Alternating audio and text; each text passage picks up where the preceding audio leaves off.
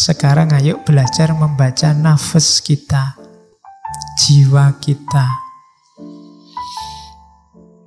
Perhatikan dalam diri kita ada tiga aspek. Jasad, hayat, dan ruh. Jasad itu yang fisik, hayat itu yang mental, yang biasanya malah kita sebut rohani, roh ini yang sumbernya dari Allah. Kalau jasad unsurnya materi. Kalau hayat unsurnya rohani. Tapi jadi dimensi mentalnya jasad. Kalau roh ini unsur rohani yang sumbernya dari Tuhan. Yang kalau kepakai kalimatnya Allah wa min ruhi. Jadi kalau dibikin lapisan yang paling luar ini jasad, di dalamnya sedikit ada unsur gerak, ambisi, nafsu, emosi. Itu namanya unsur hayat. Layar kedua, layar paling dalam namanya roh. Roh inilah yang sumbernya dari Allah. Yang jasad ini ijbari tadi. Dari Allah juga. Yang roh juga dari Allah. Yang dalam kekuasaan kita itu hayat. Mental. Itu kita yang apa nih? Jadi hayat kita ini menghadap ke jasad apa menghadap ke ruh? Orientasinya materi apa orientasinya ketuhanan? Itu nanti menentukan akhlak kita. Jadi hidup kita ini berarti isinya ada jasadnya, ada hayatnya, ada ruhnya. Karakter kemanusiaan kita kuncinya ada di hayat ada di rohani. Semoga dia ngadepnya ke roh, ke kesejatian, ke Allah, bukan ke jasad. Kalau dia ngadepnya ke jasad, ya urusannya materi. Biasanya orangnya ya mikirnya duniawi saja, melupakan hakikinya. Padahal kita jadi manusia itu karena unsur rohani tadi. Kalau Hewan dia punyanya jasad sama hayat. Jadi dimensi materi sama dimensi rohaninya. Hewan kan juga punya emosi, punya gerak, punya maksud, keinginan, dan lain sebagainya. Karena memang dia tidak dituntut apa-apa. Kita yang dituntut untuk menghadap ke yang sejati. Menghadap ke roh. Oke. Nah, karena itu nanti daya jiwa oleh Ibnu Miskawe dibagi tiga. Ada nafas syahwatiyah, bahimiyah, nanti ada hudbiyah, ada natiko. Kita pelajari satu-satu dulu. Nafas bahimiyah, jiwa, kalau diartikan letterlock itu jiwa kebinatangan. Itu jasad ini loh dia hancur bersama hancurnya jasad karena memang levelnya di jasad. Alatnya namanya liver, hati. Kalau bahasa Arabnya kabit. Di level nafas bahimiyah inilah kita bisa memperlakukan al-aklus salim fil jismi salim. Dalam badan yang sehat ada jiwa yang sehat. Itu jadi bukan jiwa yang level rohani, tapi jiwa yang level bukan level ruh, tapi jiwa yang level kedua tadi. Jadi makanya lupa itu ada orang jiwanya tidak sehat, badannya sehat. Maling itu badannya sehat, kalau lari cepat. Itu kan al-aklu salim fil jismi salim. Iya, di level hayat. Jadi bukan rohani yang level roh tadi. Jadi berlakunya di level ini nafas bahimiyah atau syahwatiyah. Ini harus dikendalikan, bukan dimatikan ya, dikendalikan. Ya kenikmatan jasad ya, makan, minum, tumbuh, berkembang biak, dan lain sebagainya. Jenis-jenis itu, nafsu seksual itu jenis-jenis itu. Nafas syahwatiyah. Porosnya ada di katanya Ibnu Miskawe di kabit Kabit itu hati.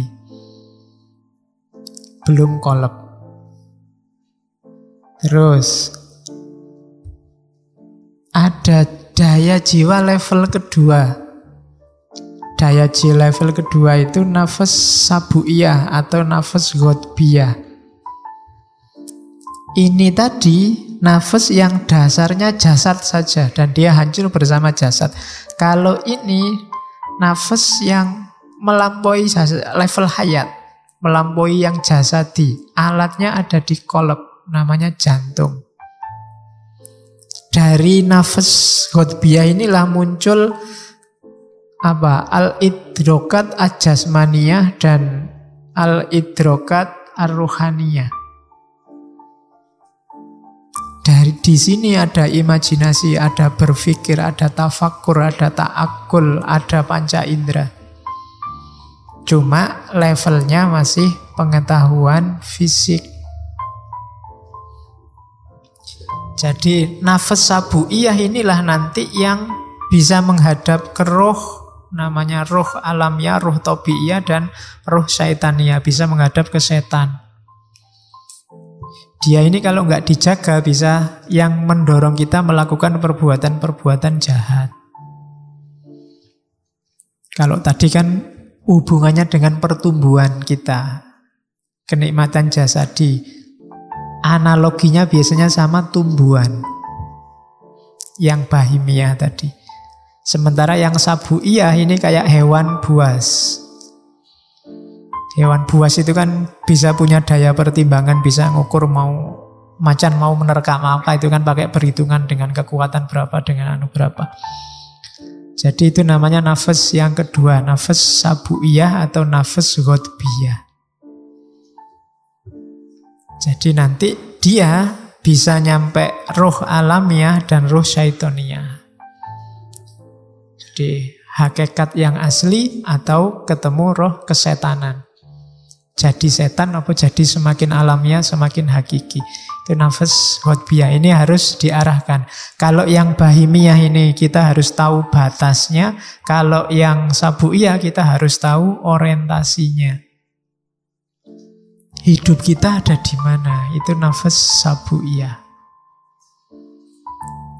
Oke, terus ini saya agak cepat. Masih panjang masalahnya. Yang ketiga nafas anatikoh.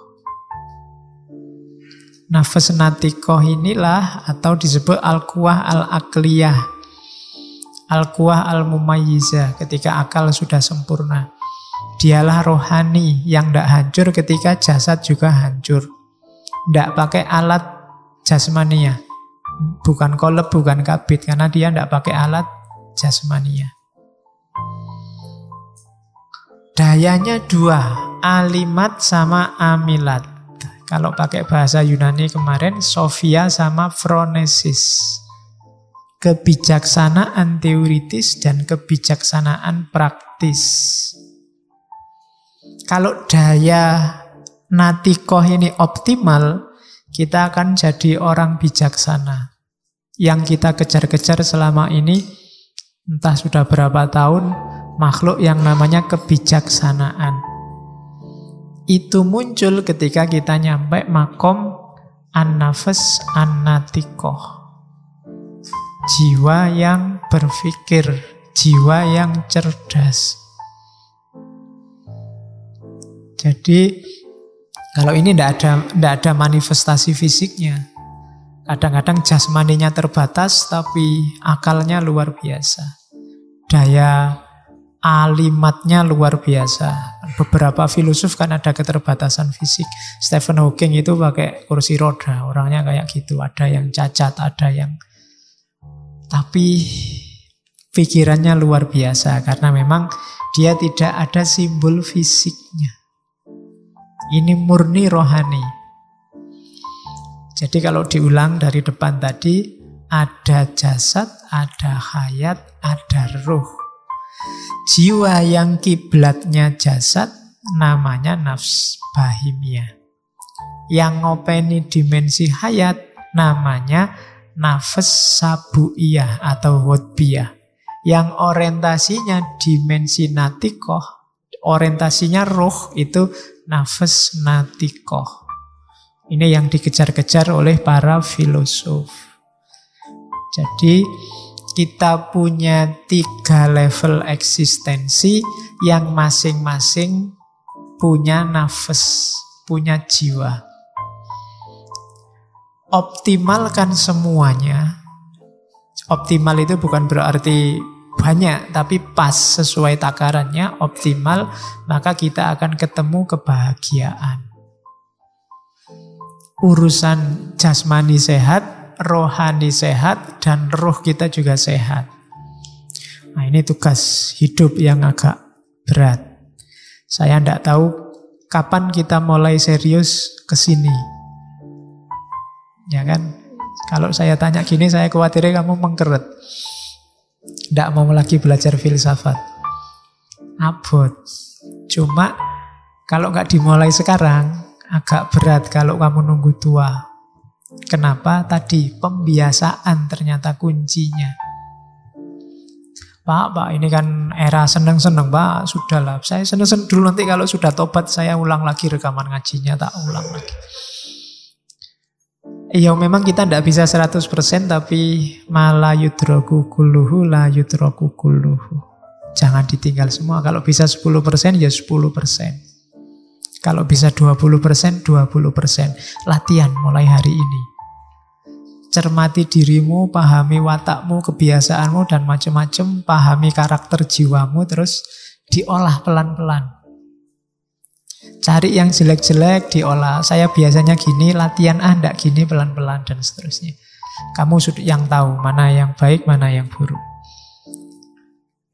Oke, ini kelanjutannya nafas natikoh. Jadi nafas natikoh itu tingkatannya tiga. Akal potensial, akal aktual, akal perolehan. Jadi akal potensial itu kayak tadi ya, kita punya potensi punya kapasitas untuk jadi orang baik, untuk jadi natikoh, jadi orang bijaksana. Kalau potensi ini kita wujudkan, namanya akal aktual. Nanti akal yang aktual ini, dia punya kesempatan ketemu dengan namanya akal perolehan, akal mustafat. Akal mustafat kadang-kadang disebut akal faal, akal aktif. Apa sih akal mustafat itu? Hikmah dari Allah. Cuma kalau kita belum nyampe level aktual, kita tidak akan ketemu mustafat. Kalau kita tidak bergerak naik, ya Allah tidak akan turun. Kalau kita tidak berusaha, ya tidak akan ketemu hikmah. Jadi kita belajar terus ketemu hikmahnya. Orang kan sering bilang, wah saya mendapat hikmah. Itu dari atas. Namanya akal mustafat, akal fa'al. Beda sama Nabi. Kalau Nabi dia langsung ditemukan dengan akal mustafat. Kalau kita harus berusaha dulu. Makanya Nabi kan ada proses-proses instannya. Dibersihkan jiwanya, dibersihkan lahir batinnya terus. Itu memang ada misi yang harus dibawa. Tapi kita yang manusia biasa harus bergerak dari potensi ke aktualita. Kita punya potensi kebaikan, ayo diwujudkan ke yang baik. Kalau kita ada di level yang baik, nanti kita akan ada kesempatan ketemu akal mustafat. Nah, akal mustafat itu akal faal. Jadi cara hidupnya nanti begitu. Kita atur biar kita bisa mengaktualkan potensi baik kita. Jangan khawatir, nggak usah Pak apa ya bisa Pak saya jadi orang baik bisa, pasti bisa. Kalau kita sudah berusaha, di samping kita bahagia, kita akan ketemu akal perolehan, namanya akal mustafat. Dan ya nanti ada level-levelnya. Perhatikan ya gerak jiwamu itu kan yang terakhir itu akal natikoh itu. Akal natikoh itu mencahayai ke bawah atau bergerak ke atas. Menuju Tuhan apa menuju materi. Menjauh dari Tuhan. Kalau menuju Tuhan, alamat kita menuju kekekalan jiwa. Kalau menjauh dari Tuhan, kita menuju kebinasaan. Ini diajarkan di banyak tokoh sufi. Jiwa kita harus madep ke atas, jangan madep ke bawah. Gerakan kita harus gerak menuju Tuhan. Apa pun gerak kita harus menuju Tuhan. Selangkah, saya sering bilang, selangkah mendekat ke Tuhan. Termasuk ngaji malam hari ini. Termasuk mungkin kamu kuliah. Termasuk kamu mungkin tidak tahu kalau pacaran apa bisa kamu, Pak. Saya dengan pacaran itu, Pak, saya selangkah lebih dekat. Sama. Yo yo pacaran yang Islami dong. Pacaran sambil ngaji, lirik-lirikan aja cukup. ya. Oke, tidak pakai tembak-tembakan wis pokoknya dilirik dong wis cukup. Oke, ya. Tidak apa-apa. Kalau jodoh kan tidak akan ke mana-kemana. Di masjid aja. Nah iya, kalau nggak jodoh nanti bisa. Oke, jadi daya jiwa ya diperhatikan. Nanti kita latihan ngopeni diri kita sendiri mulai sekarang. Kalau nggak mulai sekarang kapan lagi? Saya juga berusaha sidik-sidik pelan-pelan. Ya belum sukses pasti ini yo. Kan saya selalu bilang ngaji itu usikum wa nafsi. Jadi aku ya nasihati awakku dewe. Bukan berarti saya ngomong gini wis pointer wapik terus kamu rebutan cium tangan. Enggak, saya juga berusaha. Yo aku yo sinau terus ngerti. Oh iya berarti selama ini aku kurang banyak. Dan besok saya ditagihnya double karena saya juga yang ngomong. Kamu nasihat-nasihatin orang apa yo? Ngelakoni dewe kan gitu. Saya iso kena dalil yang kaburo maktan itu. Makanya kudune ya hati-hati. Makanya tak wanci-wanci. Ndak ini saya juga levelnya masih belajar. Ada satu dua teman yang anggap saya dianggap koyo mursid. Dari Youtube biasanya. Ndak, saya levelnya ya masih murid. Waduh masih an. Masih belum ada apa-apanya. Ayo sinau bareng aja. Oke. Terus. Nah, kalau dalam urutan hidupnya manusia, daya ini tidak sekaligus ada, memang pelan-pelan. Biasanya yang muncul duluan yang bahimiah tadi, karakter kehewanan sebenarnya, kematerian. Bayi itu kan urusannya ya dengan pertumbuhannya, makan, minum, nyari seneng, nyari enak. Jadi itu level-level awal yang pertama kali tampil. Terus baru level kedua, level karakter kebinatangan. Karakter untuk bergerak, menginginkan sesuatu, mempertahankan diri, ingin meraih sesuatu. Ada senengnya, ada sedihnya, ada ambisiusnya, ada patah hatinya. Itu level kedua. Baru level ketiga muncul natiko. Ini kalau akalnya sudah sempurna. Agama menyebutnya sudah mumayis. Jadi munculnya step by step. Tidak langsung begitu bayi langsung pinter, bijaksana jadi filosof. Ya pelan-pelan. Harusnya di usia-usia kita sudah mulai menapak anatikos lebih dalam. Kalau level kita kok masih sibuk di karakter kematerian, kita masih tidak ada bedanya sama bayi. Yo, ayo introspeksi. Kira-kira mental kita ini mental level bayi apa level ABG? Kalau ABG kan level kayak kebinatangan itu kan sedang hangat-hangatnya. Nyari seneng saja itu biasanya level kedua. Nyari enak saja itu biasanya level pertama. Jadi hidup kita biasanya mana yang dominan? Yang pertama, yang kedua, apa yang ketiga? Cirinya kita sudah nyampe natikoh, katanya Ibnu Miskawe, sudah punya rasa malu ndak kita? Kalau sudah punya rasa malu, di situlah dimulai pendidikan akhlak. Dua isin. Kok sampai tua orang dua isin, berarti belum balik. Ya, yo jangan dimarahi berarti kan tokoh-tokoh kita kok korupsi besar-besaran, ndak punya malu ya dia, oh kasihan dia belum balik berarti. Karena kalau dia sudah balik, sudah punya rasa malu. Semakin orang besar harusnya dia rasa malunya semakin besar. Bukan kemaluannya loh ya, rasa malunya. Jadi semakin besar. Semakin orang duwe izin berarti dia semakin belum dewasa. Jadi adikmu besok, anakmu besok kalau sudah ngerti malu, saatnya pendidikan akhlak. Berarti dia sudah bisa membedakan mana baik, mana buruk, mana pantas, mana tidak pantas. Saatnya dididik akhlak. Karena parameternya rasa malu. Makanya Nabi bilang, kalau kamu tidak malu, lakukan apa pun yang kamu inginkan. Terus